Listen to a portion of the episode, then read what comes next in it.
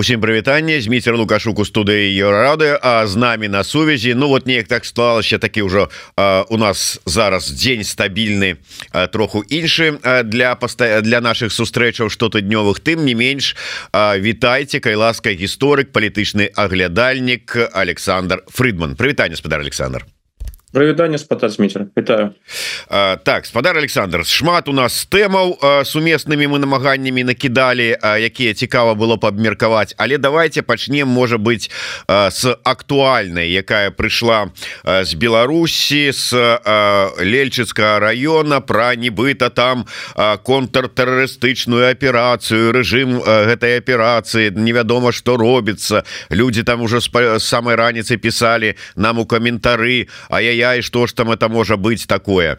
Но зараз нібыта прыйшла інфармацыя мы датэлефанаваліся у мясцовы райвыканкам нам там сказали что да не звяртайце увагі гэта вучэнне у іх там яны уже не першы раз гэтыя сілавыя структуры тут у нас праводзяць это вучэнні і гэтак далей. Тым не менш спачатку здзіўляе тое что неяк прапаганда лукашэнкаўская у Ну у разнабой па-першае гэта ўсё напісала. По-другое афіцыйныя каналы кшталту там той же самой белты да гэтую інфармацыю увогуле далі самымі апошнімі пасля ўсіх каго толькі можна. І з другога боку прыгадваюцца вось у буквально днямі з'яўлялася інфармацыя зараз вось з бреста перад гэтым былі з іншых гарадоў про паведамленні якія там нейкія там замінірованыя школы паліклінікі яшчэ там нешта. Ужо чыноўнікі выступілі з заявай что гэта таким чынам накручивается ўзровень там некая такой небяспеки у краіне людям нерв падымаюць. Але ці звязана гэта ўсё? І сённяшнія гэтыя вучэнні і гэтые невядомы вядома кого а, вот гэтыя пагрозы якія прыходзяць. Так дык яны лайк у, у аднакласніках знойдуць хто паставіў і прыцягнуць да адказнасці як яны называюць. А тут нешта там нехта тэлефануе яны не могуць разобрацца хто што адкуль прынамсі афіцыйна нікога не затрымалі. Что гэта? Ну пачнем напэўна са школ это такая гісторыя вядомая. Такія ж выпадки таксама былі і у Росіі там можна уявіць что заўгодна что сапраўды можа нехта займаецца таким таким тэрарызмам назовем гэта так у двукосе Мачыма і такое. Мачыма что ідуць нават звонки з-за мяжы. Такое таксама нельга выключаць. Так что там досыць такая кавалкавая інфармацыя. Цяжка э, зрабіць по гэтай інфармацыі высновы. Ну насамрэч насамрэч канешне гэта выглядае ва умовах сённяшняй беларусі калі там ідуць за адразу ідуць затрыманні адразу ідуць паведамлення поспехах то раптам вось нешта здараецца ніякіх поспехаў у барацьбе з тымі людзьмі якія гэта робяць няма. Так что гісторыя насамрэч цьмяная. Тое что адбывалася ў лечацкім раёне мне падаецца что гэта сапраўды такія былі трэніроўкі вучэнні якія яны там рабілі. Чаму гэта увогуле увайшло ў прэсу? І наколькі я разумею гэта першапачаткова было ў лакальнай прэсе у гэтым жа лельчаскім раёне но тут у іх нейкія праблемы з камунікацыяй бо напэўна калі не зрабілі гэтыя вучэнні яны гэты момант камунікацыі з знешнім светом я каму і што ўвогуле про гэта паведамляць яны гэта вынеслі задушки асабліва на гэты конт не разважалі что таксама насамрэч не з'яўляе у Беларусі ж няма такой вось інфармацыйнай культуры. У тым сэнсе нешта надзвычайнае адбываецца мы паведамляем про гэта насельніцтву. Калі ідуць такія цьмяныя незразумелыя паведамленні дык адразу ўзнікае пытанне А что там насамрэч адбываецца. Ну думаю что хутчэй за ўсё насамрэч былі гэтыя гэтыя вучэнні. Ну а што ж тычыцца інфармацыйнай палітыкі дзяржаўных медый яны конечно дзіўныя. Першымі паведамілі про гэтую гісторыю незалежныя медыя яны ж першымі атрымалі інфармацыю про тое что насамрэч там ну прынамсі афіцыйная версія э, вучэнні. А вось афіцыйныя медыі якія вы узгадалі яны про гэта маўчаць. То бок напэўна яны яшчэ не атрымалі інфармацыі як про гэта паведамляць. І напэўна ніякай самастойнасці не праяўляюць. Ім дайны атрымалі інфармацыю что нешта адбылося яны про гэта паведамляюць а пакуль відавочна не было там нейкага загаду паведаміць альбо ён прыйшоў за спазненнем паведаміць нешта іншае. Так что яшчэ раз гэта дэманструе наколькі неэфектыўна працуюць дзяржаўныя меды і наколькі яны не выконваюць свае абавязки менавіта будет абавязки дакапацца да ісціны зразумець что там адбылося прынамсі атрымаць нейкую інфармацыю. Ну вось незалежныя медыа гэтую працу зрабілі. Что тычыцца дзяржаўных медыа то тут з працай цяжка у іх больше атрымліваецца рабіць прапаганду.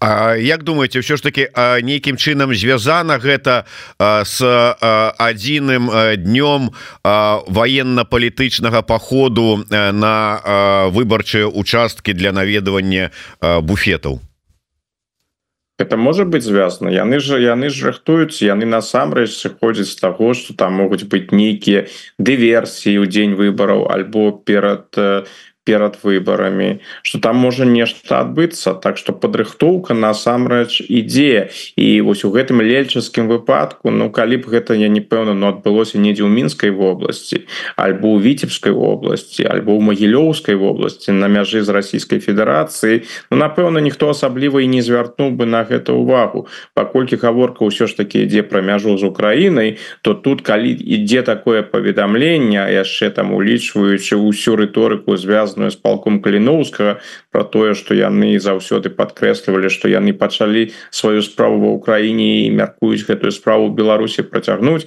і тут раптам з'яўляецца такая навіна про контртэрарыстычную аперацыю ну адразу узнікаюць канешне пытанні. Але ізноў жа выглядае так что яны рыхтуюцца да розных выпадкаў. Мачыма яны сыходзяць з таго что вось напрыканцы месяца у час выбраў фіналу выбораў так званых нешта такое можа адбыцца Мачымы канешне іншыя рэчы Мачымы розныя розныя правакацыі з боку уладу. Ну я шчыра кажучы мяне здзівіць калі яны там нейкую правакацыю здзейсняць бо нейкага сэнсу ну нейкай логікі ў гэтым няма. Наадварот что лукашенко прадае беларускаму насельніцтву что ён імкнецца прасоўваць тое что ў беларусі ўсё спакойна ўсё мірна спецслужбы добра працуюць нічога не адбываецца ну, раптам нешта адбылося Ну у людзей адразу узнікне пытанне Ну а як там справа з гэтымі ты сам тым тымі самымі спецслужбамі Так что хутчэй за ўсё ўсё будзе ў гэтыя дні як мне прынамсі падаецца ціха спакойна без нейкіх форс-мажораў Ну як патлумачыць вельмі просто мы ж вас папярэджвалі что гэтыя вось на натаўцы с аднаго боку бандеры гэтыя украінскія нацысты з другога боку. Там яшчэ невядома хто там марсіяне зверху. Яны ж толькі і думаюць каб вот гэтую выспу стабільнасці ускалыхнуць і гэтак далей. І таму вот нездармашаны рыхтуюцца что яны кажуць нават что калі там раптам что то і сапраўдныя вагнараўцы они вось гэтыя лялечныя кшталту карпянкова с тым самым нашыўкай вагнер а, а ты у кого руки у крыві готовыя далучыцца прыйсці там выбарчыя участкі у лельчыцах вызваляць ад захопнікаў. Ну вот трэба ж неяк тлумачыць навошта яны так актыўна рыхтуюцца абяцаюць там унутраныя войскі да кожнага выбарчага участка паставіць гэта ўсё канешне так але але прынамсі мяне ўзнікае пытанне что калі вось нешта падобнае сапраўды адбудзецца. І гэта канешне будзе так да і галоўная падзея гэтых выбораў так званых і гэта закрэсліць усё звязанае звязаныя з выбарамі. І гэта будзе галоўнай галоўнай тэмай. І людзі ў беларусі пачуюцца будуць адчуваць сябе ў небяспецы. Ось адбудзецца менавіта тое что вайна у пэўным сэнсе гэтага слова прыйдзе ў Беларусь. І я па шчырасці не думаю что лукашенко хацеў бы распаўсюджвання таких вось таких вось эмоцый таких вось пачуццяў у Беларусі. Але ізноў жа той сцэнарый які вы намалявалі пэўная логіка безумоўна безумоўна прысутнічае. Тым больш что калі вось паглядзець на гісторыю выбарчых кампаній у Беларусі яна ж была насычана там рознага рознага кшталту правакацыямі. Але вось зараз мне падаецца ўсё ж таки для лукашэнкаўскага боку ну не той момант калі б яны жадалі жадали абвастраць. То бок я прынцыпова такія рэчы не выключаю. Ну калі мы говорим про режим лукашэнкі тут трэба казаць адкрыта.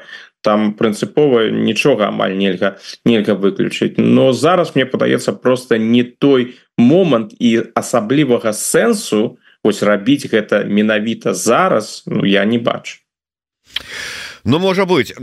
Таксама Ну я не ведаю супадзенне не супадзення тым не менш ось гэтыя выборы гэтыя размовы про страту незалежнасці что нават круты Дмітрый который лічыцца амбасадарам Беларусі в Москве кажа про тое что мантра про страту незалежнасці давно аджыла сваёй гэтак далей. І ў гэты ж час у віты у віцебску будуць судзіць прыхільніцу рускага свету гэтую сталіністку Э, сталіністку рускаміраўку як Эльвіра Мерсалімова за арганізацыю як то піш нарушение парадка арганізацыі альбо правядзення масавых мерапрыемстваў Ну то есть вот фактычна гэтае вот як яны кажуць змагарскі артыкул. А, гэта что это э, сведчыць? Пра пра што-небудзь сведчыць ці ну вот потрапіла под гарачую руку Ну наколькі я разумею яе выпадку галоўнае ж не тое что яна арыентуецца на рускі мір і пацяляе гэтую гэтую ідэалогію а тое что яна выступала досыць крытычна калі я не памыляюсь у адносінах да лукашэнкі. Тое что яна фактычна разглядае лукашэнку не як партнёра Росіі по інтэграцыі не як сябра Росіі якраз такі у адваротным накірунку як чалавека які той же самай інтэграцыі перашкаджае перашкаджае прасоўванню перасоўванню беларускіх перасоўванню рускіх нацыя расійскіх нацыянальных інтарэсаў на тэрыторыі Беларусі і гэтак далей. Ну у гэтым выпадку канешне рэжым э, рэагуе. І тут жа не пытанне ў тым што яе галаве якіх поглядаў яна прытрымліваецца яна грамадзянка грамадзянка Беларусі. З грамадзянамі Беларусі рэжым лукашэнкі відавочна лічыць што можа рабіць усё што заўгодна і ведае асаблівай рэакцыі не будзе з нават там з расійскага боку там напэўна гэтую гісторыю і увогуле не заўважыць. Да я нават больш сказаў калі б яна нават была грамадзянкай расійскай федэрацыі і як яна дзейнічала б і дзейнічала бы з тымі ж наратывамі яны б зрабілі тое ж самае.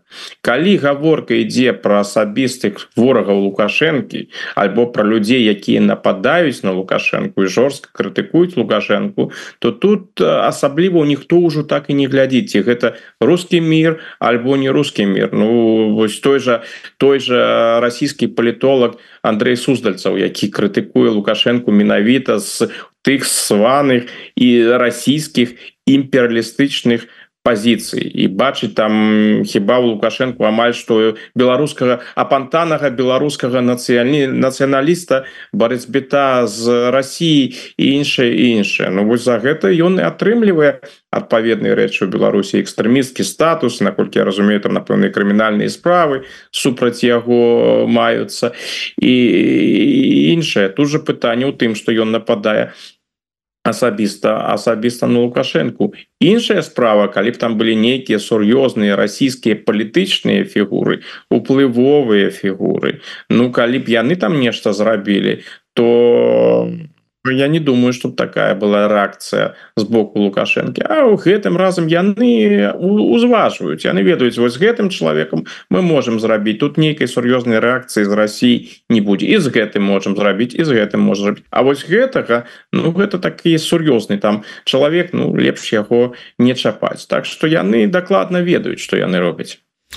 Ну э халера его ведае что тут нават сказаць тому что мерсалімова не ведаю. Там я не чуў каб яна уже асабіста на лукашенко наскоквала да называла что беларусы это русские да вот без знака якасці асабліва год якасці гэта конечно можа быть і злачынствам лічыцца але там помнікі Сталіну там патрабавала па ўсёй Беларусі заставіць ці наскоквала яна на лукашенко можа я пропусціў але я могу, я могу таксама памыляцца мне падаецца мне падаецца что гэта было. Ну дарэчы гэта такі ўжо ну пры, пры ўсёй павазе гэта не не такі ўжо відавочны уплывовы персонаж каб са ім так так сачыць но мне мне падаецца там все ж таки нешта было. Але калі так гэтага не было ну тады я Ну я я, я не упэўнены з іншага боку вон яшчэ одна ёсць гродзенская рускамірка даносчыца бондарова которую не толькі не чапаюць такія яшчэ асцерагаюцца і у дэпутаты у яны некуды нібыта там спрабуе пайсці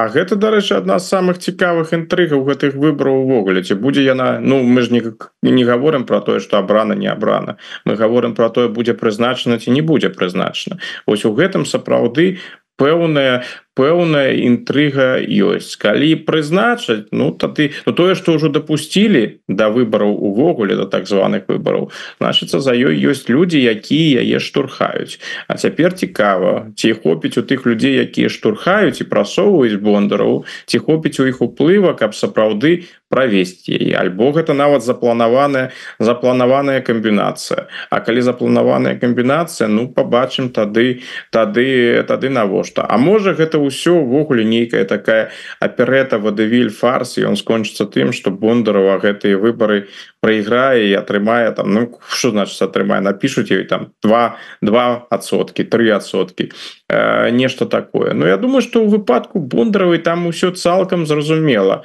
что калі яна пачне пераходзіць вось тыя акрэсленыя э, рэжымам альбо уплывовымі людзьмі ў гэтым рэжыме чырвоныя лініі калі яна там умоўна кажучы пачне нападаць на кого там нападал на марзулюка калі я не, не так, так. Ну, на, на марзулюка дазволена. Марзалюк відаў відавочна не такі ўжо уплывовы чалавек калі нават вось такая бондарова можа яго абражаць і нічога за гэта не бывае. Калі яна пойдзе там далей і паспрабуе там зрабіць нешта з больш уплывовымі функцыянерамі і гэта на версіі не не спадабаецца камусьці не спадабаецца Я думаю что мы вельмі хутка побачым что яна з публічнай прасторы знікне і на гэтым гэты феномен бондаровой скончыцца. То бок яна канешне тут сваім светапоглядзе яна досыць аўтаномная.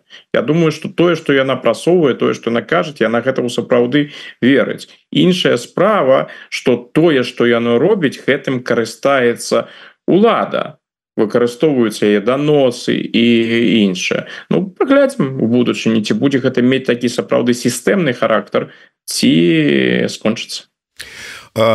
Про чырвоныя лініі дарэчы вот як у працяг а потым вернемся яшчэ там да унутраная беларуска. Чырвоныя лініі лукашенко сёння уручалі даверчыя граматы амбасадары розных краінаў. Мяне больш за ўсё цікавіць Японія прыехаў амбасадар Японіі А Японія гэта краіна якая ўвяла персанальныя санкцыі супраць лукашэнкі і а, яго сына сыноў.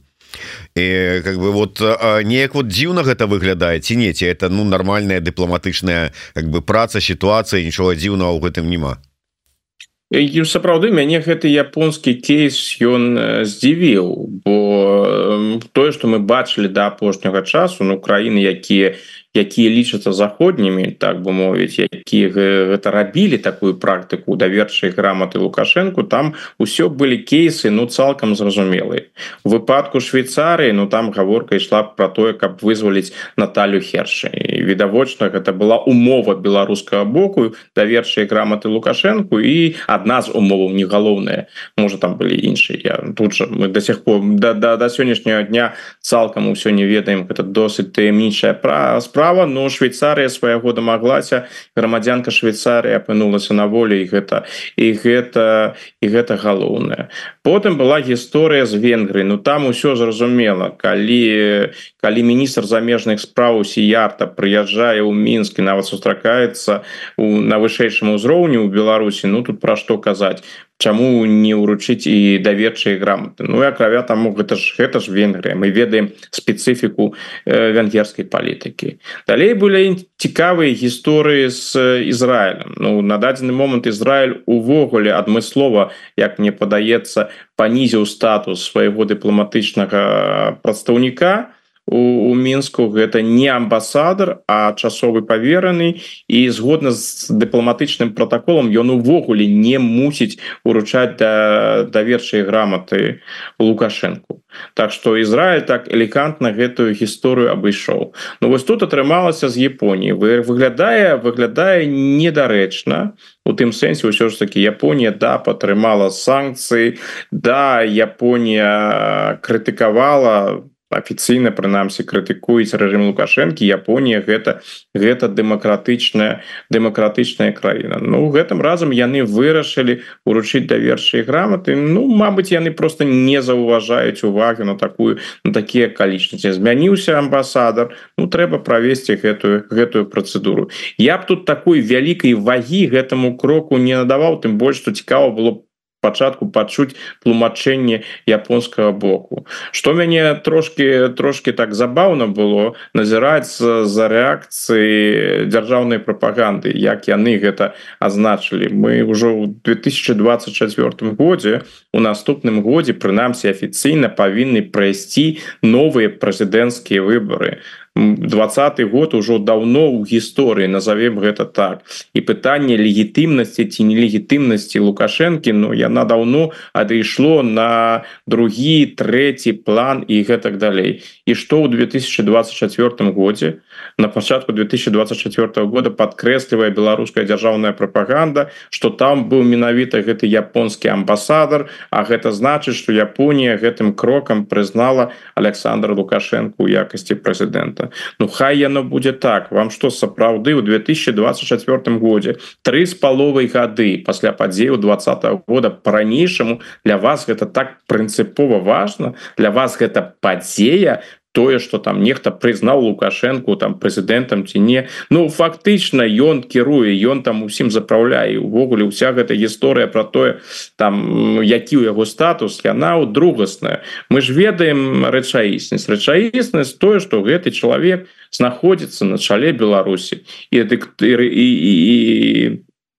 і як можем называть его как зараз заўгодна у яго дыктатарскія паўнамоцтвы. Ён ён кіруе Беларусю ў дыктатарскім стылі. А як мы тут яго будем называть прызнаваць что з гэтага прынцыпова прынцыпова зменится мы ўжо не ў двадцатым годзе уже не ў 21 годзе. Так что гэта гэтае пытанне легітымнасці нелегітымнасці яно ўжо паступова адайшло як я ўжо казаў на уйшло выйшла з, з галоўнага пункту. А прапагандзе гэта по-ранейшаму важно. Так что вось так. Ну так вот вы дарэчы так плечо подняли я убачыў знак на шведры на вашим брендовая такая рэч і так подумал не боитеся не было адмыслова напрыгацца до Украины не боитеся апранаючы брендовые рэчы не я не боюся А ну принципе нам-то з вами что? Мы уже люди троху уже как бы не не то чтобы надто молодые А ён же ж там вось никого не покоится что калі моладзь будзе носить брендовые рэчы то таким чынам допрыгаются до Украины. Увогуле Як вы калі слухали вось гэтага новояўленага эксперта по вышэйшай адукацыі з яго раскладками что трэба зрабіць? Якія у вас як у выкладчыка былі эмоцыі слухаючы гэта ўсё Ну ізноў жа тут тут справа такая. Калі ты ты такія такія спічы ідуць і у той танальнасці як у якой яны робяцца яны ў мяне ну мушу сказаць адкрыта яны выклікаюць мяне усмешку. Я могу себе гэта дазволіць паколькі я сапраўды не знаходжуся ў Беларусі калі ты назіраеш за падзеямі вонкаў і бачыш што ў 24 годзе 21 стагоддзя тут ідуць такія такія размовы абсалютна савецкія і па па по то аб тым по тым что там кажуць і як это робяць Ну гэта конечно выглядае так абсолютно абсолютно смешна недарэчна. З аднаго боку так смешна а з другого боку мы ж ведаем что гэтыя усе заклікі лукашэнкі яны будуць реалізоўвацца ты люди якія там сядзяць і робяць нататки вось того что ён там кажа і по паперцы без паперцы яны выглядаюць таксама ну скажем так вельмі вельмі вельмі сумнёна это напэўна тая самая гісторыя якую таксама можна назваць свайго кшталту по гішпанскім э, стыдам калі ты вось так можна сказать ну выглядала выглядала конечно недарэчна. Ну а развагі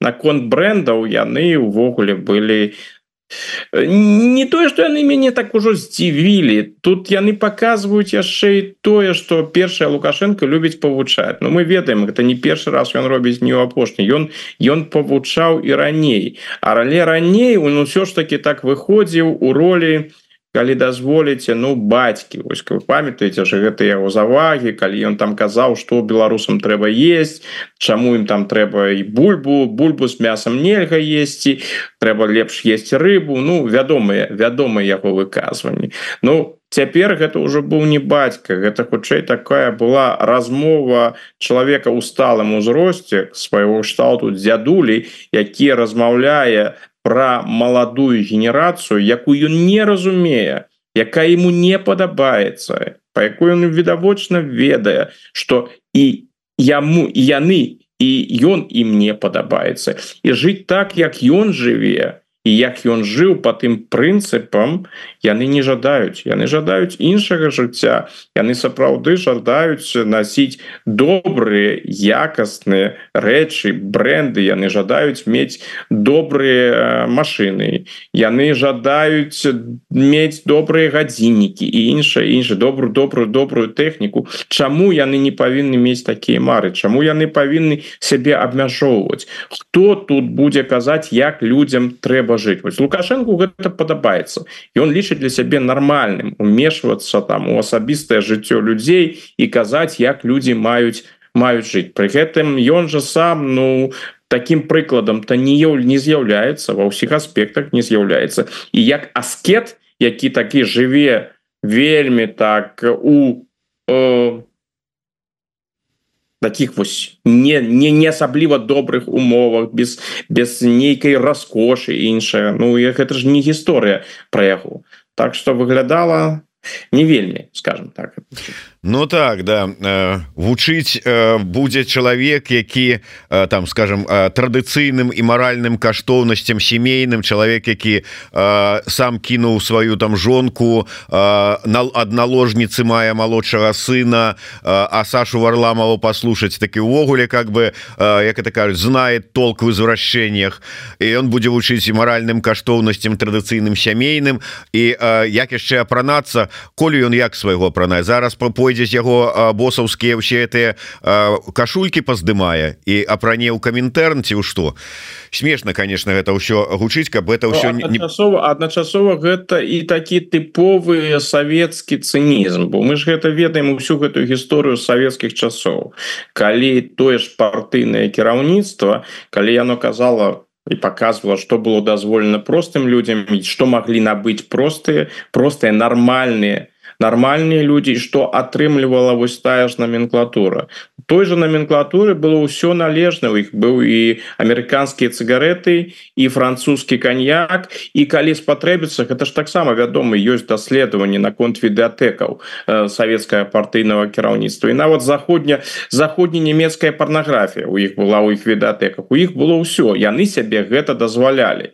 А звычайныя савецкія людзі за прагляд вось напрыклад тых жа фільмаў маглі потрапіць на некалькі гадоў за краты. Ну вось гэты такі тыповая такая дваістасць савецкі цынізм. Мы на паверсе мы на вяршыні піраміды улады нам усё дазволена. Мы можем гэта рабіць і будем рабіць. А вы вам гэта не дазволена.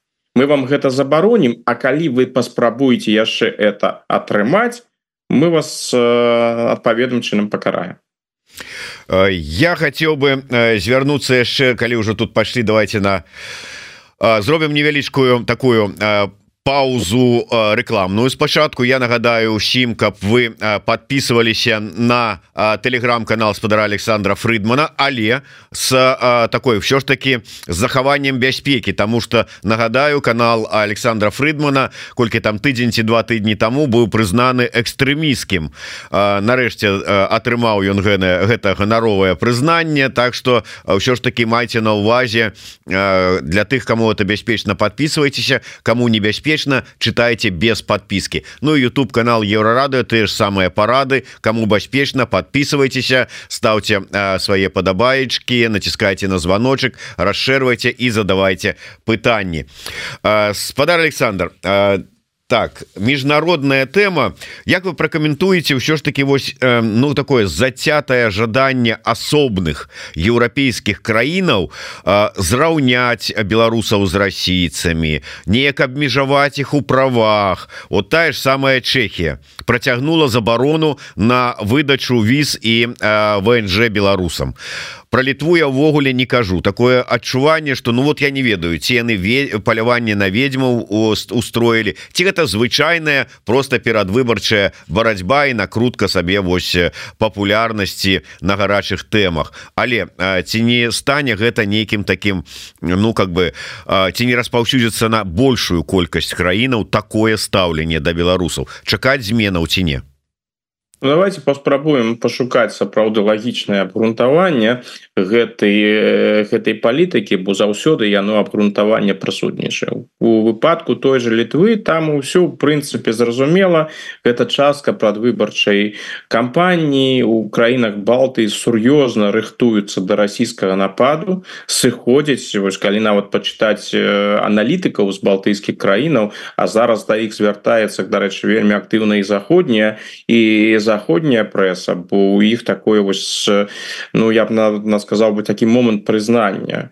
Пэўны час на іх асаблівую увагу на захадзе не звярталі лічылі што іх пазіцыя у адносінах да Росіі прадузятая што яны Росію за ім займаюцца дэманізацыяй Росіі таму і нельга ў сур'ёз успрымаць гэтую аналітыку якая з краінаў Балты прыходзіць зараз ўсё прынцыпова змянілася цяпер аналітыкі з краінаў Балты лічацца каштоўнымі экспертамі і іх меркаванні да іх меркаванняў сапраўды прыслухоўваецца Ну гэта такі момант да.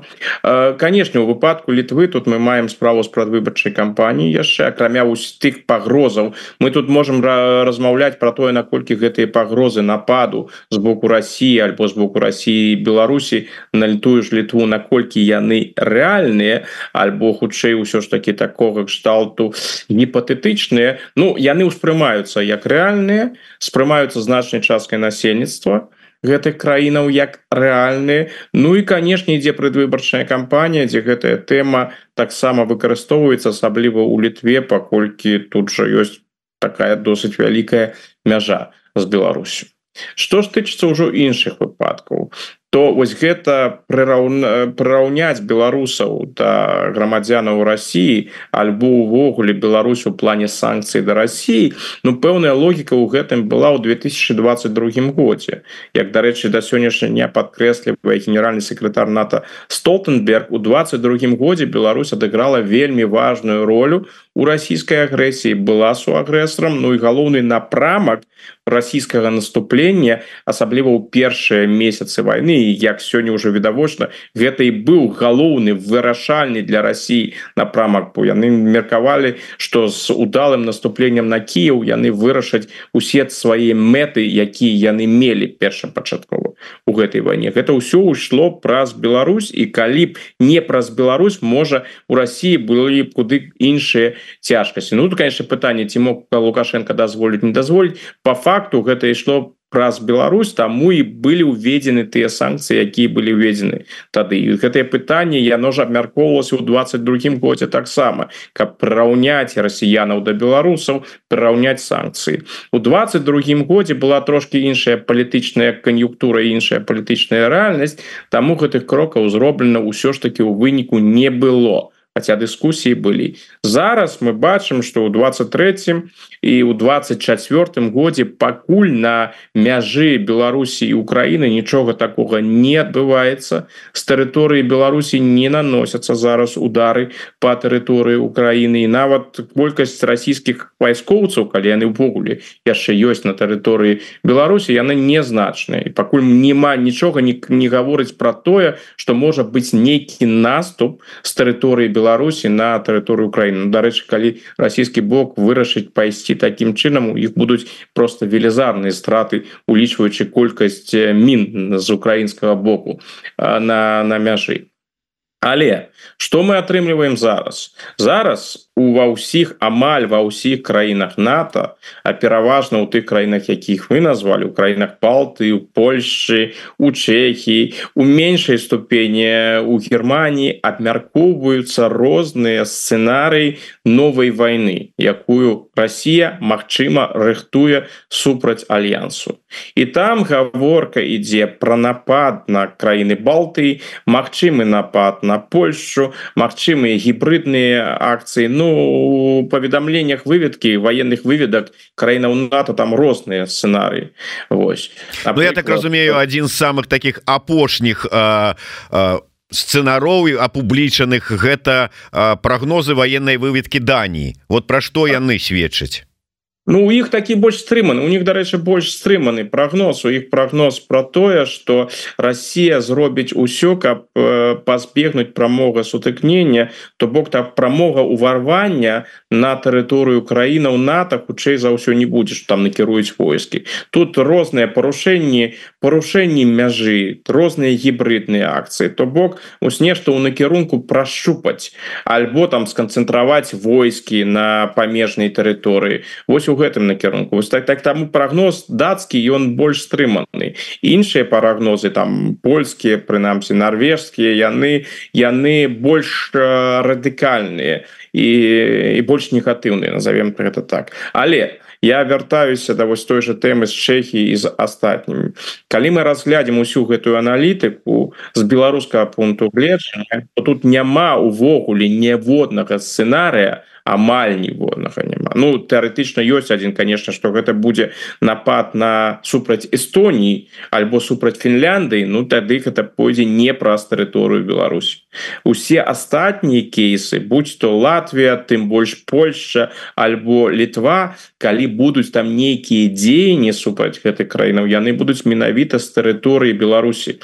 альбо з тэрыторыі Беларусі пры удзеле беларускай арміі як заўгодна і калі гэта ўжо абмяркоўваецца калі людзі бачаць Беларусь у якасці пагрозы не беларусаў а рэжым лукашэнкі і Россию перш за ўсё Россию якая з пункту гледжання тых же еўрапейскіх выведак кантралюе тэрыторыю Беларусі і робіць на тэрыторыі Беларусі фактычна ўсё что яна жадае зрабіць. Ну калі ўжо вось такі клімат сфармаваўся і идет ідзе такое ўспрыняццё тут аўтаматычна тыя санкцыі якія прымаюцца супраць Росіі прымаюцца і супраць Беларусі і тых людзей якія жывуць на тэрыторыі якая з пункту гледжання напэўна той жа Чехіі альбо той же літвы знаходзіцца под поўным контролем і под поўным уплывам Росіі. Так яны дакладна ведаюць і ў празе у вільнюсе. Яны дакладна ведаюць что далёка не ўсе расіяне падтрымліваюць палітыку Путина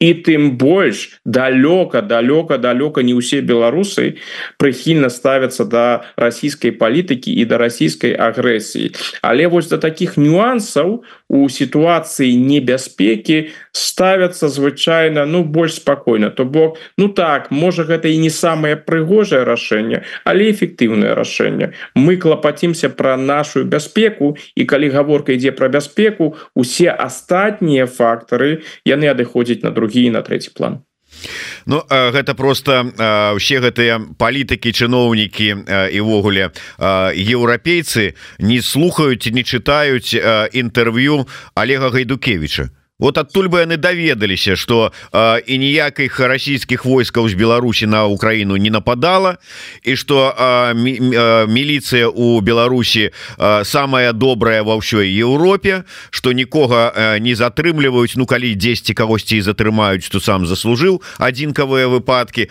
Ну і увогуле как бы мир шыкі красота. Я конечно разумею что мы тут усе ідыёты Ну з пункту гледжання гайдукевича. Но в прынцыпе вот вы ж бачили я думаю гэты матэрыял вот якія былі ўражанні Ну гайдукевич ён імкнецца як як і дарэчы усе тыя палітыкі калі ўвогуле іх можна назваць палітыкамі якія дзейнічаюць у Беларусі. Яны імкнуцца творча развіваць думкі Александра лукашэнкі. Ну гайдукевич гэта робіць такой са сваёй спецыфікай. Мне падаецца у яго такія палітычныя арыентыры яны недзе паміж лукашэнкам і жырыноўскім бо тая ж партыя якую узначальвае гайдукевич яна ж то бок пэўны час была нават філіялам ліберальна-дэмакратычнай партыі партыі жырыноўскага то бок ён бярэ на ўзбраенне лукашэнкаўскія наратывы Ну і спрабуе іх развіваць у такім стылі жырыноўскага іншая праблема что у яго няма ні таленту ні лукашэнкі няма таленту жырыноўскага Таму і атрымліваецца вось такая нават не асабліва смешная пародыя Ну так такі вось нават не ведаю інфармацыйны прапагандыскі ці палітычны дзік-пік гайдукевича чарговы. Вы сказали описываючы вось ситуацию с беларусамі і прызнаннямі их роўнымі расіянам як ну как бы для еўрапейскіх палітыкаў ну асобных краінаў не заўсе не будем казаць на іх думку га это не вельмі добрая эфекты не прыемная але эфектыўная мера. Хотя вам не падаецца что больш эфектыўнай мерай вырашэнне там ці рэакцыі на ўсю гэтую ситуацию якая ёсць у нашем регионе рэгіёне з бяспекай аказаць прама з вайной то а, варта было б больш дапамогі і падтрымки ў краіне аказваць от якія вынікуе апошняга рамштайна і чаго ад канферэнцыі по бяспеке мюнхенскай чакаеце то то тое что вы кажете абсолютно абсолютно слушно. І дарэчы трэба прызнаць что еўрапейскія палітыкі сур'ёзныя еўрапейскія палітыкі кшталту канцлера шольца альбо прэзідэнта макрона яны яны гэта дакладна разумеюць ось асабліва цікавы у гэтым сэнсе канешне шольц. Як змянілася яго рыторыка за апошнія гады. Ён мне падаецца ён сапраўды адчувае адказнасць зараз за лёс Еўропы і разумее разумее что у тым выпадку якім Еўропа зараз апынулася у тым калі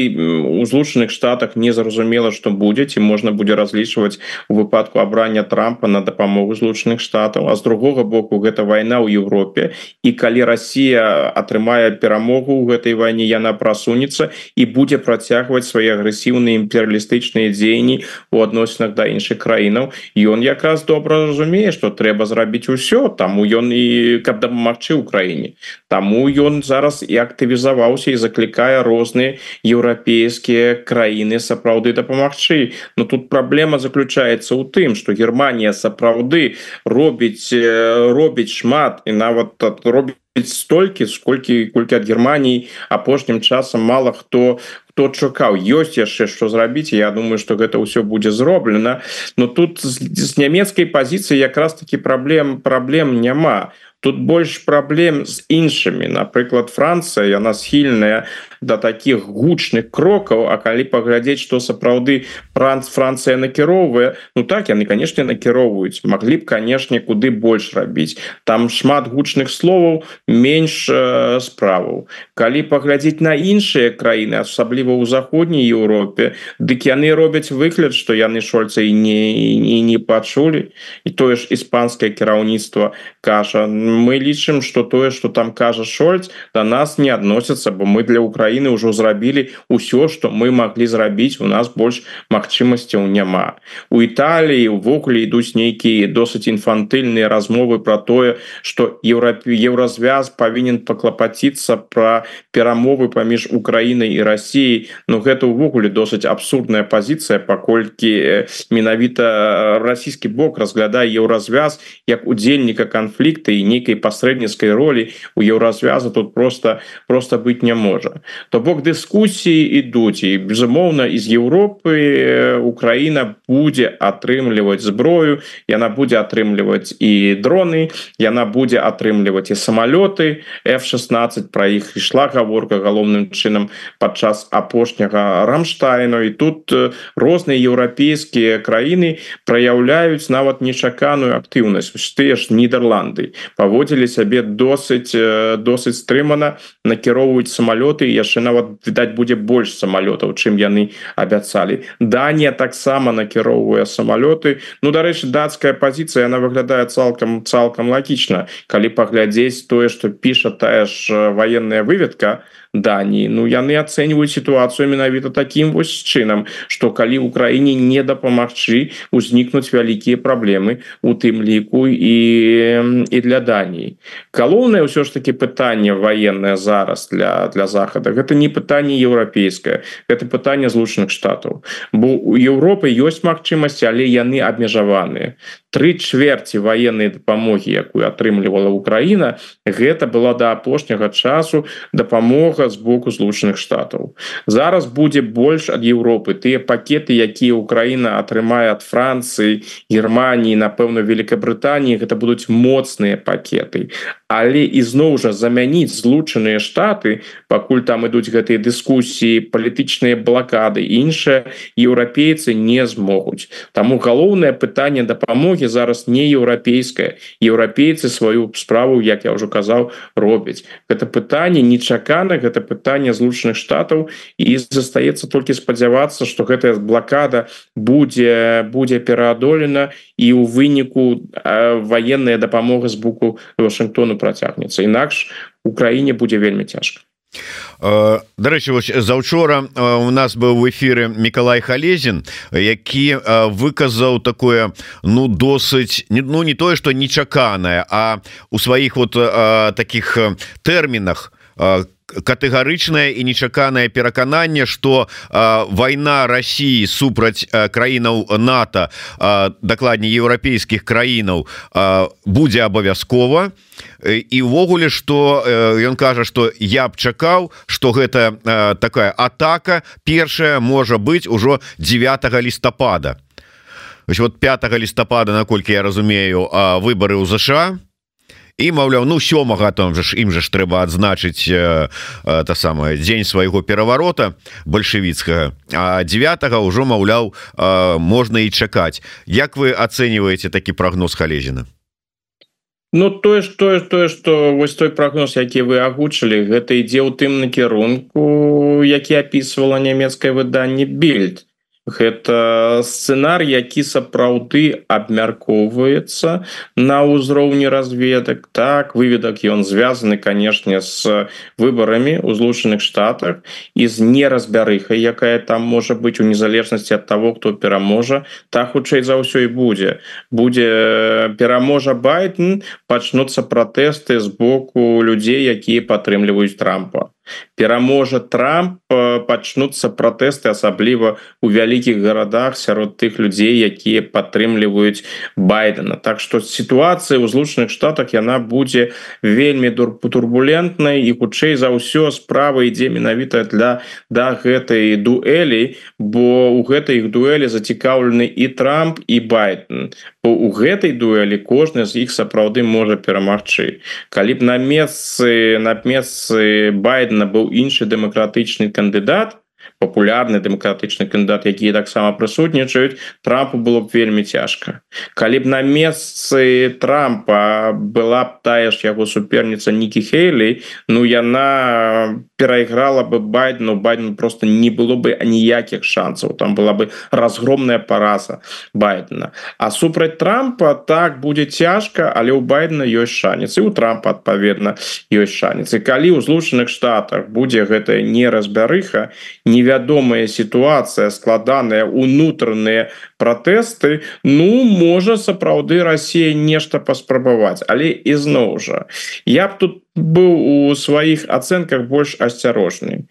Я не думаю что там можа быть нейкая такая сур'ёзная военная акция кшталту там не ведаю паспрабаваць захапіць сувалскі коридор тут павінны чалавек які аддасць адпаведны загад ён ну гэта павінен чалавек быць вельмі рашучы. Бо сапраўды рызыка можа атрымацца ўсё будзе нормально ўсё будзе добра. У Росіі ўсё атрымаецца і нато ну не будзе змагацца. За сувалскі коридор напрыклад А можа ўсё будзе наадварот. А можа у гэты момант э, будзе нейкае сплачэнне грамадства нават у злучаных штатах. І нават э, адміністрацыя якая будзе знаходзіцца это будзе по-ранейшаму адміністрацыя байдена праявіць э, рашучасць і адкажа ну все артыкул фюн прабачце артыкул артыкул 5 статута нато і э, калектыўная дапамога і мы пачнем дзейнічаць Так что я думаю что Россия не будзе так рызыкаваць А вось правакацыі там кшталту я не ведаю сцянуть войскі да да мяжы як вось датская выведка дарэчы піша. Альбо парушаць наўмысна парушаць в паветраную прастору. Гэта цалкам магчым вось гэты такі варыянт я не выключал я вярнуся у Беларусь. Сітуацыя с прыорбанкам с яго там продажам с райфайзербанкам Пра што это сведчыць гэта чарговыя там как бы выхады с рынка беларускага умоўна кажучы з банкаўскага рынку. Ці ці што гэта вот наколькі гэта сур'ёзна і небяспечна і калі так так яны прынцыповыя ўсе то чаму эта група не выходзіць з России Ну тут же тут же такая такая гісторыя. Гэта шлейф які цягнецца з двадцатого года. Мы ж ведаем что аўстрыйскі бізнес ён і прысутнічаў і працягвае сваю прысутнасць у Беларусі сярод заходніх інвестараў асабліва вылучаліся заўсёды аўстрыйскія інвестары у якіх былі вельмі шчыльныя сувязі і контакты з Беларусю. Пасля двадцатого году пачалася сур'ёзная дыскусія у тым ліку і у Аўстрыі быў ціск менавіта на гэты на гэту эту банкаўскую групу рафайзен і ўжо тады яны пачалі заяўляць что так мы будем паступова адмаўляцца. От удзела мы будем выходзіць. Потом была ж гэтая гісторыя з арыштам кіраўніка прыёрбанке касцючэнкі Ну тады ўжо аўстрыйцам Я думаю сапраўды стала зразумела что пры ўсёй магчымай прывабнасці гэтага бізнесу у Беларусі ўсё ж таки лепш адтуль э, суходзіць суходзіць бо будуць сур'ёзныя праблемы у, у будучыні могуць быць прынамсі. Ну і канешне велізарныя іміджавыя праблемы. Ну і да таго яшчэ дадалася гісторыя ў Росіі у 22 у 22 годзе.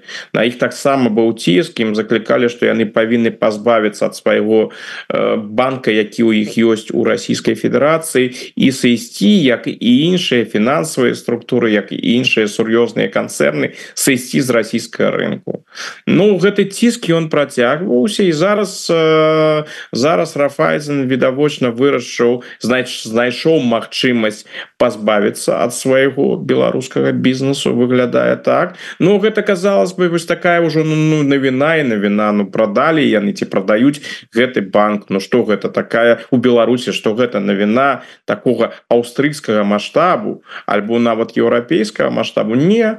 Рафайзен палічыў патрэбным вось гэта мне падалося цікавым. Яны палічылі патрэбным зрабіць гэтага сур'ёзную навіну. Яны разаслалі прэс-рэлізы по аўстрыйскай прэсе яны подкрэслівалі что яны сыходзяць. Яны подкрэсліваюць что яны нават сыходзяць з з убыткамі бо яны страцілі у вы грошай. То бок імідж яны вырашылі сябе тым самым подправіць но тут узнікае канешне пытанне якое аўстрыйскія банкіры абыходзяць стараной. Гэта пытанне про свой банк у Расійскай Федерацыі ось тут пачынаецца. Не ўсё так просто мы так хутка продать гэта не зможам. Таму у Росіі яны по-ранейшаму застаюцца а з Беларусі яны сышлі і выкарысталі гэтую магчымасць для того каб вось э, подправіць назовем гэта так не нейкім чынам падкарэктаваць у пазітыўны бок свой імідж. Тым больш что так уж шмат гэта і не каштуе.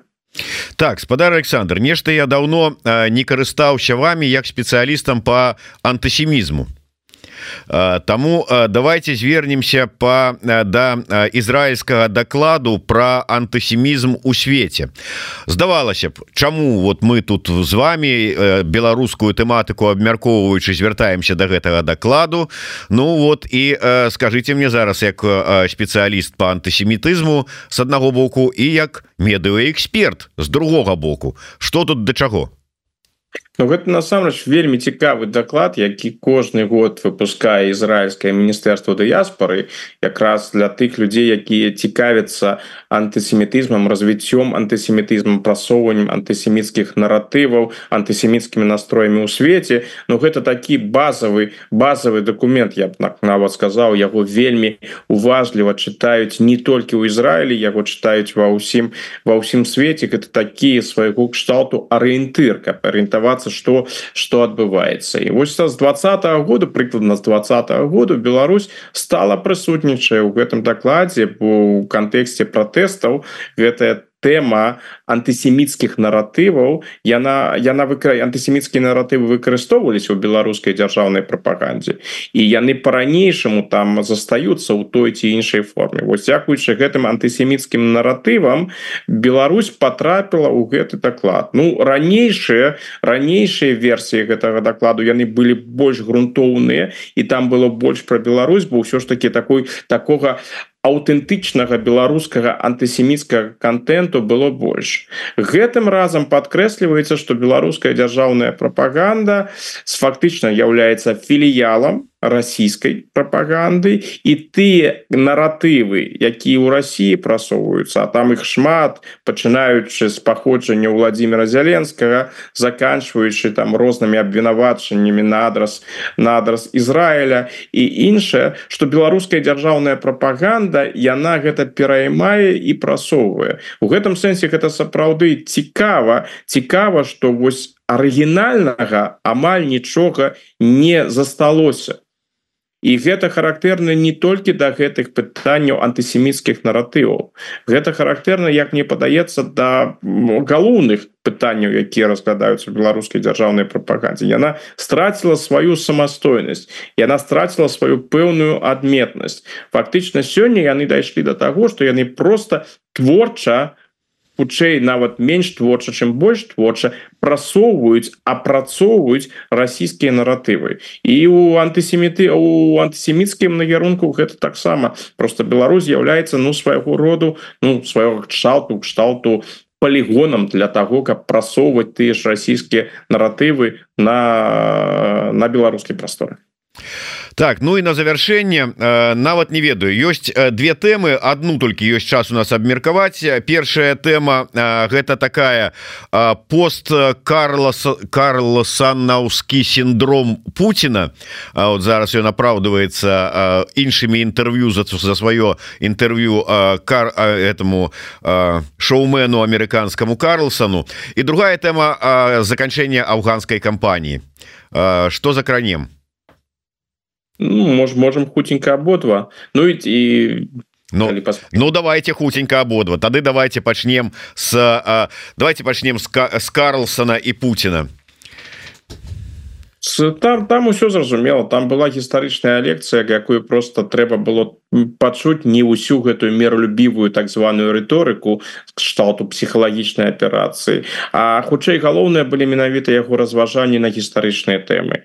Калі ён по-ранейшаму ён, ён показаў что ён по-ранейшаму свой погляды не змяніў что ён лічыць Украіну часткай России гэта значыць і Беларусь он лічыць таксама часткай гістарычнай гістарычнай России і сваёй мэты полностью поставить Украіну под контроль і он таксама по застаўся при гэтай мэце. Ну і важный момант конечно были гэтыя разважанні абсолютно жахлівыя про 30 39 год. Апраўданне фактычна гэта было апраўданне гітлераўскай агрэсіі супраць Польши. Гэта яшчэ раз показвае что у галаве Путина другая сусветная война прысутнічае. Той хто разважае сам с собой про другую сусветную войну фактычна можа пачаць і третью сусветную. Гэта трэба улічваць Ну да незразумела толькі э, да якое дачыненне да Еўропы да вялікага княства літоўскага да э, Русі вось гэтай старадаўняй маюць гэтыя вось э, нашчадкі э, калоніі э, татара-мангольскай імперыі незразумела. Не Ну але ладно вот перакруцілася ў іх галаве. Да Афганістана. Сам сваю гісторыю. Ну да. Да Афганістана э, сёння менавіта э, такі вось дзень 30 35 гадавіна вывода савецкіх войск Афганістана і вы ў сваім телеграм-канале калі писали на наконт гэтай даты написали злачынная афганская авантура з'яўляецца адной з самых ганебных сторонок савецкай гісторыі Ну і тут с аднаго боку глядзіце в Афганістане загінула ну прыблізна 15 тысяч савецкіх солдат на сёння дарэчы амаль 400 тысяч расіянаў это толькі афіцыйна вось загінулі ва ўкраіне. Але ўсё ж таки у ты у той перыяд ну плюс-мінус там туды-сюды там колькі гадоў по свеце было вельмі шмат войнаў у якіх былі завязаныя у тым ліку і савецкія вайсковыя сілы. Такое вось супрацьстаянне па ўсім свеце ты ў тым ці іншым месцы савецкай у сістэмы і вось гэтай капіталістычнай заходняй сістэме вот паўсюляны э, войны э, самі паміж сабой не аб'яўлялі але вот 10 вот карысталіся і в Афрыцы і у паўночнай паўднёвай Амерыцы і в Азіі і дзе толькі не было. Чаму Афганістан самая позорная на ваш погляд сторонка і э, якое яно дачыненне мае да сённяшняга дня Ну одна з самых пазорных з майго пункта гледжання таму что там адбылося адкрытае утаржэнне в Афганістан у іншых выпадках там былі галоўным чынам военные эксперты абмежаваныя кантынгенты А тут э, было кінута туды рэгулярное савецкае войска там что там жа воевалі савецкія прызыўнікі фактычна. І гэта была жахлівая вайна якая вялася жахлівымі метадамі. Шмат з таго что мы назіраем сёння ва Украіне тыя метады тыя же бомбардзіроўкі як яны ідуць не заўважаючы на тое ці что будзе з грамадзянскім насельніцтвам гэта ж усё было у Афганістане. Там сапраўды савецкія страты там былі недзе 15 тысяч вось такая такая лічба у навуковых даследаваннях амаль заўсёды прысутнічае это такая галоўная лічба.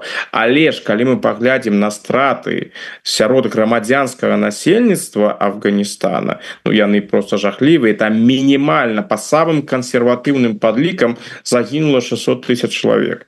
Хутчэй за ўсё 1 мільён можа нават два два два з паловай мільёна. І вось гэта быў пачатак этой афганскай трагедыі. Там яна да сённяшняя не скончылася яна працягваецца. Но і для Савецкага союза канешне гэтая вайна большасці людзей у ссср абсалютна незразумелая. Навошта чырвоная армія там прысутнічае. Навошта яны там змагаюцца? Навошта яны там гінуць? Гэта быў адзін з тых фактараў эканамічна і палітычна які паўплываў на настрой насельніцтва ў савецкім саюзе і пагоршыў сітуацыю ў савецкім саюзе. Таму гэтую вайну яны заходнія эксперты даволі часта параўноўваюць сённяшняй вайной ва ўкраіне что на тую авантуру пайшоў савецкі саюз і вядома як эта авантура для савецкага саюза скончылася.